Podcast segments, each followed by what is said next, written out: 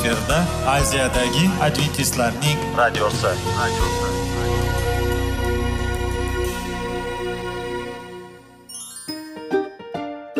Assalomu alaykum aziz radio tinglovchilar.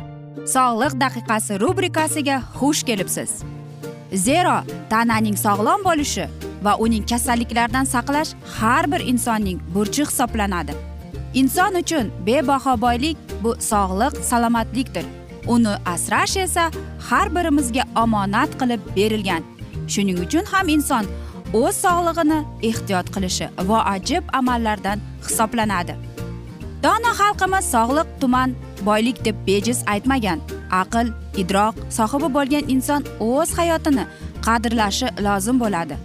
Hozirgi kunda qanchalik dori darmonlar ko'paymasin tibbiy muassa sifati shifokorlar vasiyasi tibbiy texnika yaxshilanmasin. Agar insonning o'z salomatligi haqida qayg'urmasa kutilgan natijaga erishib bo'lmaydi va biz sizlarga bizning dasturimizga xush kelibsiz deymiz.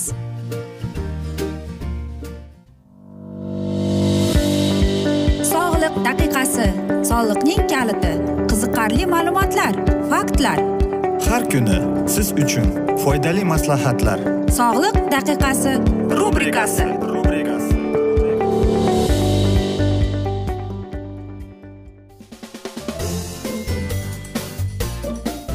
assalomu alaykum aziz radio tinglovchilar dasturimizga xush kelibsiz va biz sizlar bilan qanday qilib sog'lom bo'lish kerak degan dasturni o'qib eshittirishni boshlagan edik va bugungi bizning dasturimizning mavzusi bu gipertoniya kasalligi deb nomlanadi. Albatta gipertoniya bu ya'ni qon bosimining oshishi kasalligi uning kelib chiqishi sabablari tashxis qo'yish davolash hamda oldini olish yo'llari haqida ha barchamiz ham bilavermasa kerak. Xo'sh qanday qilib deymizmi? Umuman olib qaraganda bu qon bosimning oshishi hisoblanar ekan. Va ko'plab savol beradiki gipertoniya o'zi qanday xastalik deb. E, gipertoniya qon tomirlarining nerv funksional faoliyatini buzilishi natijasida kelib chiqadigan kasallikdir. Asosan qirq yoshdan kattalarda uchraydi lekin so'nggi yillarda yoshlarda ham tez tez kuzatilmoqda. Bu darddan ayollar ham erkaklar ham bir xil aziyat chekishadi. Gipertoniya yurak qon tomir tizimini kasalliklari bilan xastalangan kishilarning o'limiga sabab bo'luvchi asosiy sabablardan biri hisoblanar ekan. Tadqiqotlarga ko'ra gipertoniya sayyoramizdagi nogironlik asosiy sabablaridan biridir.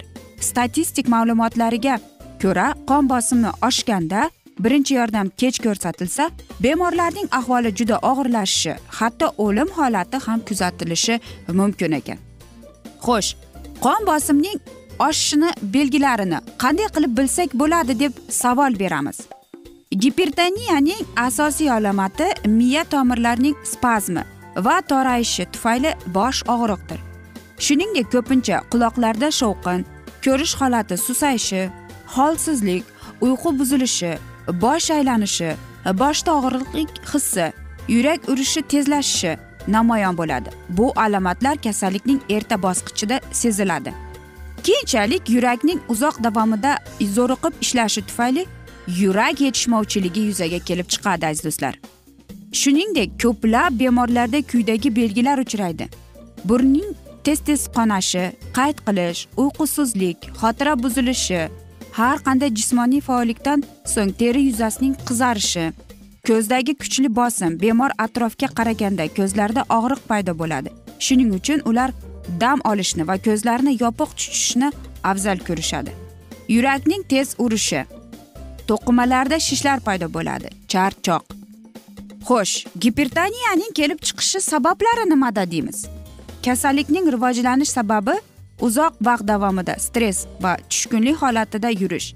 Tez tez psixologik zo'riqishlardir ko'pincha bularni doimiy emotsional taranglikni talab etadigan ish faoliyati keltirib chiqaradi.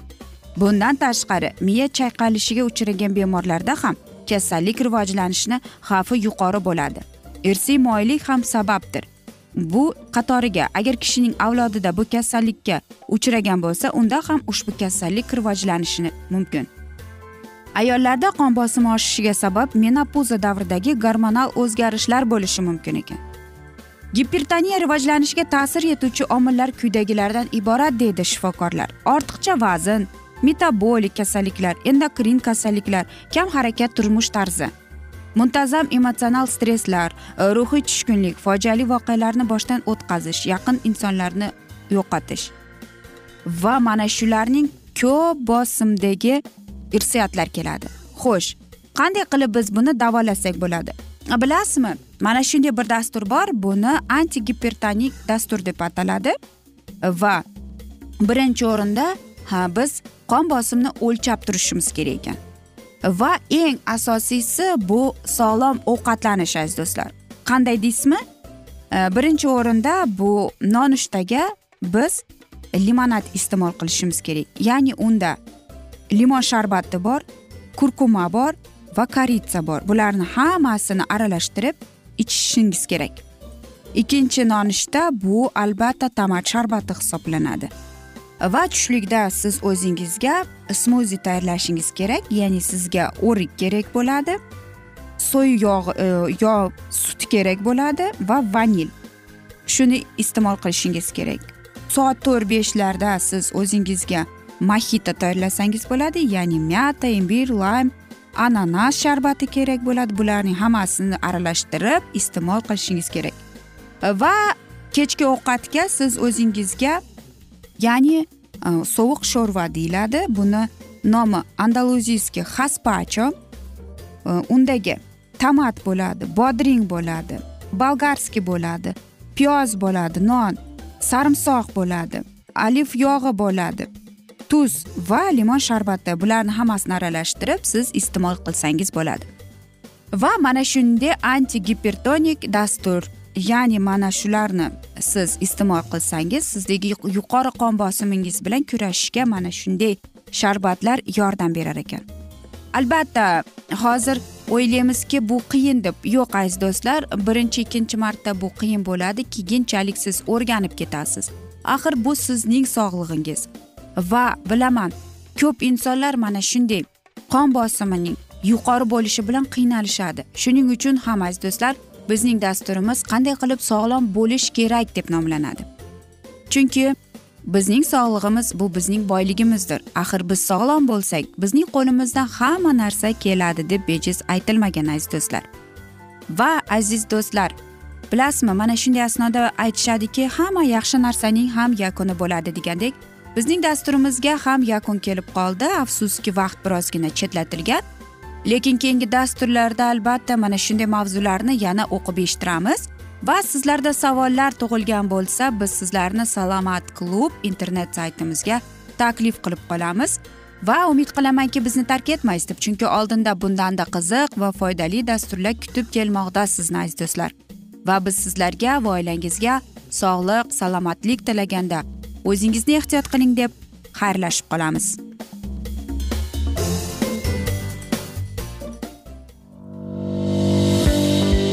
Sog'liq daqiqasi soliqning kaliti qiziqarli ma'lumotlar faktlar.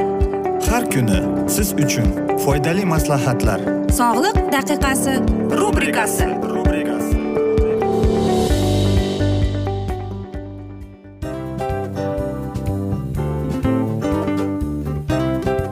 mana ha hayotda hamma narsaning yaxshi narsalar tugaydi va yakunlaydi degandek bizning dasturimizga ham yakun keldi. O'ylaymanki bizning dasturimiz sizga foydali bo'ldi deb aziz radio tinglovchimiz. Va siz o'zingiz uchun kerakli xulosalar kerakli maslahatlar olib oldingiz. Aziz radio tinglovchimiz biz bilan qoling va keyingi dasturlarimiz albatta undanda qiziqroq bo'ladi. Mana shu alfozda sizlar bilan xayrlashib qolaman.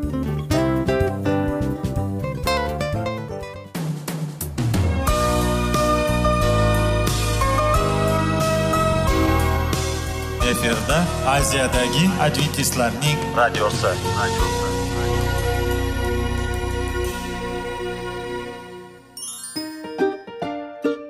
Assalomu alaykum aziz radio tinglovchilarimiz. Dil izhori dasturimizga xush kelibsiz. Pul insonni baxtli qiladimi? Albatta yo'q. Sog'liqchi albatta bo'lishi mumkindir. Lekin olimlar shuni isbotlashdiki to'liq va mukammal munosabatlar insonlarni baxtli qilar ekan. Albatta biz hayot davomida biz yaqin insonlar bilan odamlar bilan aloqada bo'lamiz va ular bilan munosabatlarimiz qanday kechadi qanday tuziladi? Yigit va qiz er va xotin ota ona va farzandlar va yaqin insonlar bilan. Balkim hozirgi vaqtda kimnidir hayoti yoki munosabatlari buzilyapti. Va bizning dasturlarimiz ularga yordam bo'ladi deb. Va oldinda sizlarni qiziqarli intervyular va mavzular kutyapti va biz umid qilamizki siz biz bilan qolasiz deb.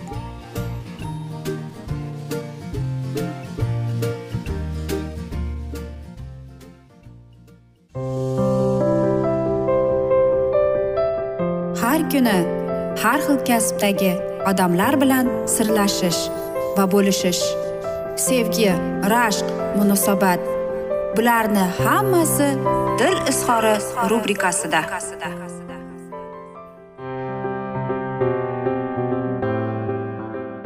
Assalomu alaykum aziz radio tinglovchilar dasturimizga xush kelibsiz. Topish va ushlab qolish degan dasturda xushvaqt bo'ling deb aytamiz va bizning bugungi dasturimizning mavzusi mustaqil oilaga professional yordam talab qiladi deb nomlanadi.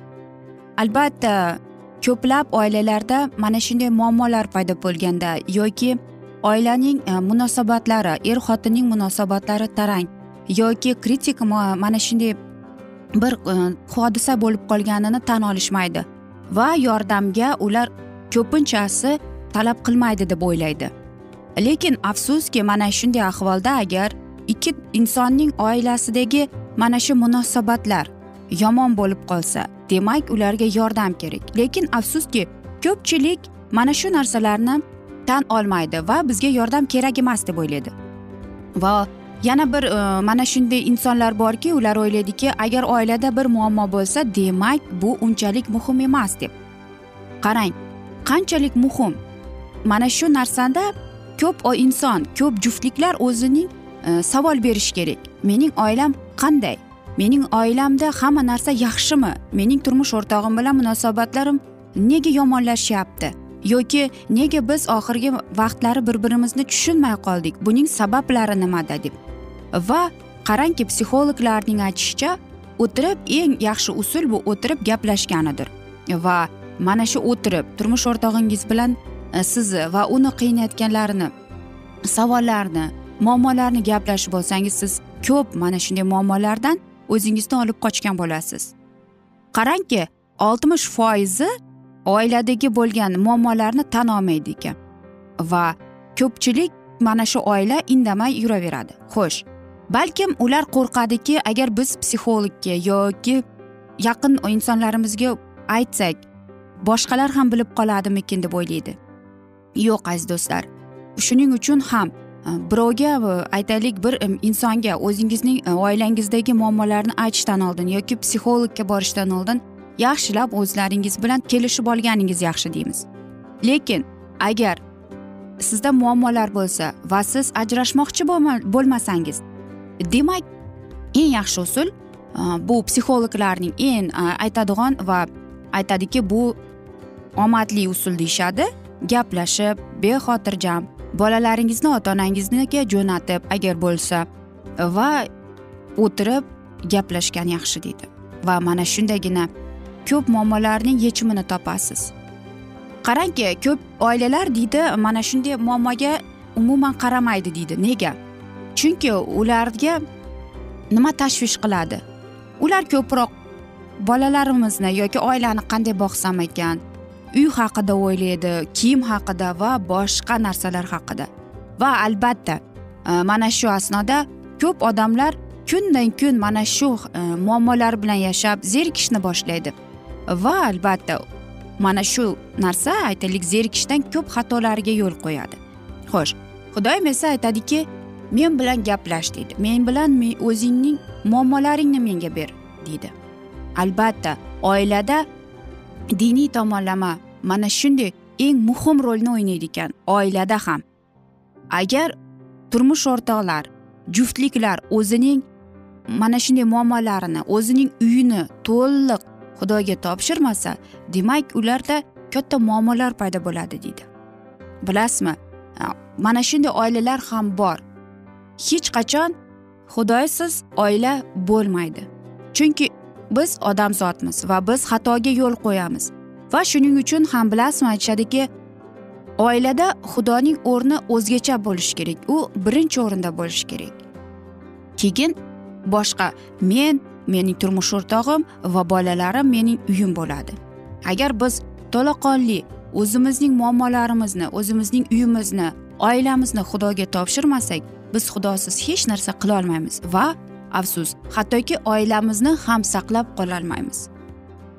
Albatta hozirgi zamonda biz e, ko'pchilik eshitamiz e, palonchi ajrashib ketibdi e, palonchi bunaqa qilgan ekan. Va eng achinarlisi shuki yigirma birinchi asrda ajrashuvlar eng yuqori va birinchi o'rinda turar ekan muammo bo'yicha. Xo'sh aytamizki buning sababi nimada?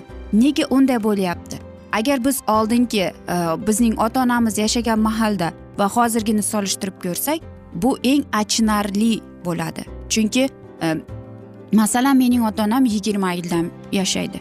Xo'sh yigirma yil deganda biz uchun xuddi katta bir raqamga o'xshatadi lekin shunday juftliklar borki ular ellik yil oltmish yil birga yashagan va biz ulardan so'raymiz ularning mana shunday nikohining siri nimada ekan deymiz. Va agar ulardan siz so'rasangiz ular aytadiki biz bir birimiz bilan suhbat qilib hech qachon bir birimizdan sir bo'lmagan.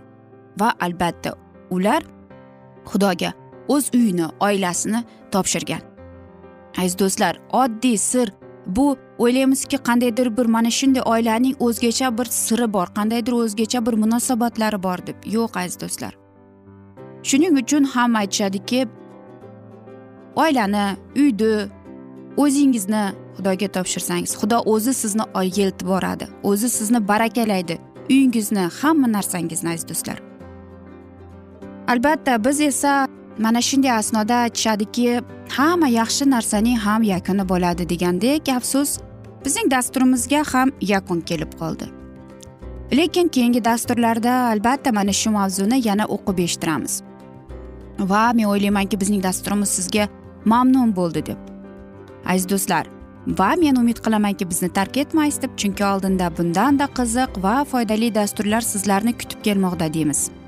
Aziz do'stlar biz esa sizlarga va oilangizga tinchlik tilagan holda yuzingizdan tabassum ayrimasin deymiz. Va albatta aziz do'stlar seving seviling deb xayrlashib qolamiz.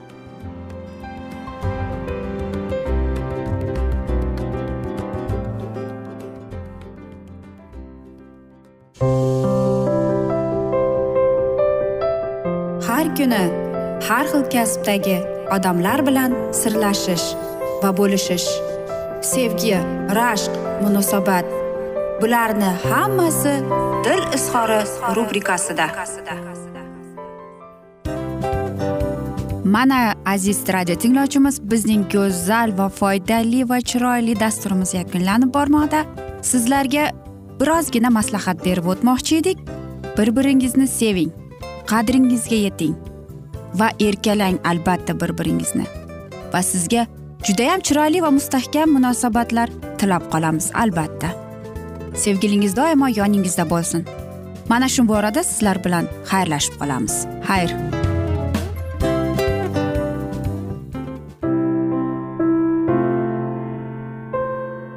Hayotning noni. Qiziqtirgan savollar va javoblar. Buning hammasi ko'ngil uchun oziqa rubrikasida.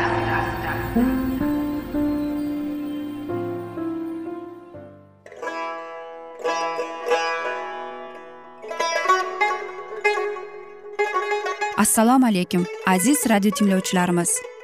Ko'ngil uchun oziqa rubrikasida xush kelibsiz deymiz. Siz haqiqatni izlayapsizmi? Olamnimi? Umidnimi? Siz kimga murojaat qilmoqchisiz? Odamlar ko'pincha siyosat kuchiga tayanadilar. Dunyo iqtisodiyoti holati tobora chuqurlashib bormoqda. Tabiiy ofatlar va texnogen halokatlar minglab insonlarning hayotini olib ketib juda katta zarar yetkazmoqda. Sizga abadiy hayot inomini hadya qiluvchi va hayotingizni tubdan o'zgartiruvchi haqiqatni izlab toping. Xudo haqidagi haqiqat uning kalomida mujassamlashgan. Kimki bu haqiqatni butun qalbi bilan izlasa albatta unga yetishadi. Bu sevgi xudoning tarixidir. Hayotingizda yoki sizning yon atrofingizdagi olamda nimalar yuz berishidan qat'iy nazar? Siz ertagi kunga buyuk umid va ishonch hosil qilishingiz mumkin. Hozirda xudo sizga taklif qilayotgan umid ishonchga o'z qalbingizni oching va sizni qiziqtirayotgan mavzularni savollaringizga javoblaringizni topib olasiz deb umid qilamiz. Biz bilan qoling.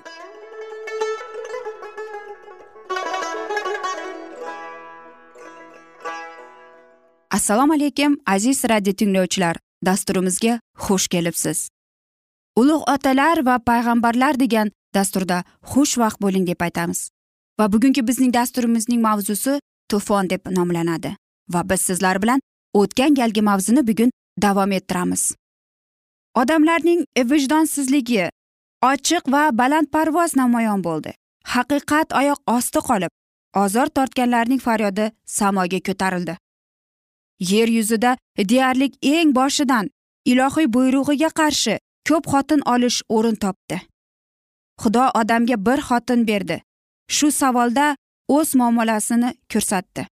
Lekin gunohga duchor bo'lganliklaridan keyin odamlar o'z nuqson qalblarining ishtiyoqlariga munosib muomalarni tanladilar. Natijada azob uqubatlar va jinoyatlar tez ko'paya boshladi. Na nikohni na shaxsiy mulk huquqini hurmat qilmaydiganlar bo'ldilar.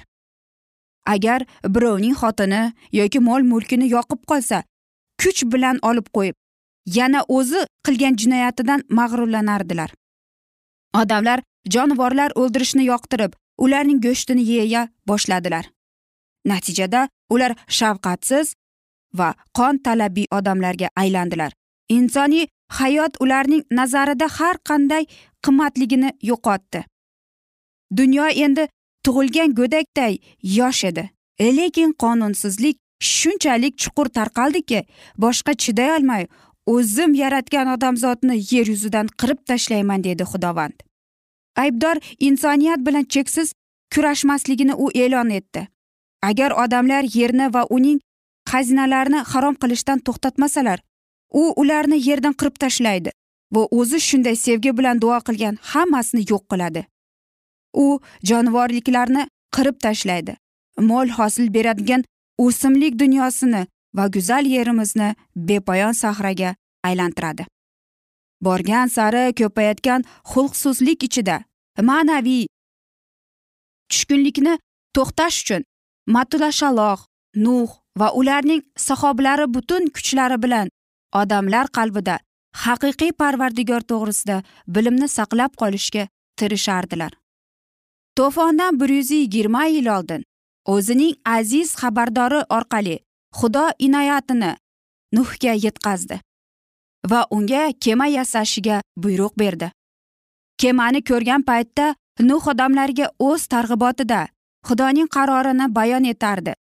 Ya'ni badqiqorordarlar tufon suvi bilan nobud qilishlarini kimda kim muqaddas xabarga ishonib tavba qilsa hayotlarini tuzatsalar kechiradilar va najot topadilar. Hanuf o'z avlodiga tufon to'g'risida xudodan olgan vahiyni yetkazdi matushaloh va uning o'g'illari nuh vazini eshitdilar va kema ko'rishda ishtirok etdilar. Xudovand nuhga kemaning raso o'lchamini va uning qurilishi haqida mufassal gapirib berdi. Insoniy aql idroq shunday kuchli va mahkam insonotni bajarolmas edi. Buning binokori xudovandning o'zi quruvchi esa nuh bo'ldi. Tashqi ko'rinishida kema suzishga moslangan kemaga o'xshardi lekin boshqa tarafdan u ko'proq uyga o'xshardi. Kema uch qavatli qilib qurilgan eshigi esa yon tomonda joylashgandi. Kemaning butun bo'linmalari shunday qurilgan ediki yuqoridan tushgan nur butun bo'linmalarni yoritardi. Kema qurishga shamshod yog'ochi ishlatilgan ya'ni gofer yog'ochi. U eng qattiq yog'ochlardan bo'lib uzoq yuzlab yillar davomida buzilmaydi. Shunday yuksak inshootni ko'rib bitirish uchun ko'p vaqt va mehnat kerak edi. Juda qattiq baland o'sgan daraxtlardan taxta tayyorlash bizlarning kuchlarimizga nisbatan qadimgi odam jismoniy juda kuchli bo'lganiga qaramay murakkab jarayon edi. Inson ongining butun qobiliyati shu buyuk ishga berildi. Toki kema benuqson bo'lsin deb. Shunga qaramay kelgusi tufon suvlarni ko'tara olarmidi? Suvlar mavj urganda faqat yagona parvardigori olam o'z farzandlarini himoya qila olardi. Nuh payg'ambar imonli bo'lgani uchun xudo unga kelajakda yuz beradigan hodisalar haqida vahiy yubordi. Nuh esa o'z xonadonini qutqarish uchun ixlos bilan kema yasadi u bu ishi bilan butun dunyoni mahkum qildi. O'zi esa imoni tufayli ahli solih deb qabulga o'tdi. Kelgusi xatar to'g'risida dunyoni ogohlantirib nuh o'z mehnati bilan qalbining samimiyligini isbotladi. Shunday yo'l bilan uning iymonini mustahkamlanib odamlarga ayon bo'lardi. U atrofdagilari uchun namuna bo'ldi. Chunki xudoning aytganiga ishonardi. Butun mol mulkini nuh kema qurishga sarf etdi. Quruq yer ustiga shunchalik katta kemani qura boshlaganida har tomondan odamlar yig'ilib bu tanhovozining ilhomlangan nuqtani hayron bo'lib eshitganlar va ko'rganlaridan ajablanardi. Kema qurilayotgandagi bolg'aning har bir qoqishi xalq uchun guvohlik bo'ldi. Mana aziz do'stlar qarangki xudoning bizga berilgan muqaddas vazni. Ya'ni xudoyim bizga vazn berganda biz quloq tutishimiz kerak ekan va qalban eshitishimiz kerak ekan. Aziz do'stlar mana shunday bizga ibratli namuna sifatida nuh haqida biz sizlar bilan hikoyani eshitdik. Bugun esa mana shunday asnoda biz dasturimizni yakunlab qolamiz lekin keyingi dasturlarda albatta mana shu mavzuni o'qib eshittiramiz. Lekin sizlarda savollar tug'ilgan bo'lsa biz sizlarni adventis tochka ru internet saytimizga taklif qilib qolamiz. Va umid qilamizki bizni tark etmaysiz deb chunki oldinda bundanda qiziq va foydali dasturlar kutib kelmoqda. Va biz sizlarga va oilangizga tinchlik tilagan holda xayrlashib qolamiz.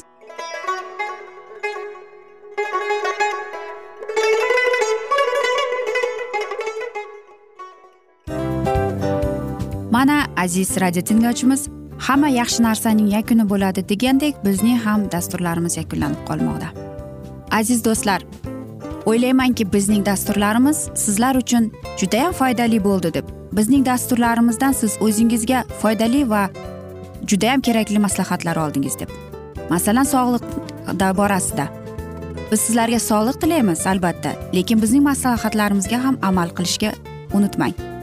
Munosabatlarga kelganda bu munosabatlar chuqur va yaxshi bo'lishi uchun uni ustidan ishlash kerak albatta. Diniy masalaga kelsak aziz do'stlar bu judayam jiddiy va chuqur nazarni talab qiladi. Ammo biz sizlar bilan xayrlashib qolmaymiz keyingi dasturlarda eshittirishimizni davom ettiramiz va sizlar bilan mana shu yaxshi kayfiyatda xayrlashib qolamiz. Va keyingi dasturlarda ko'rishguncha xayr!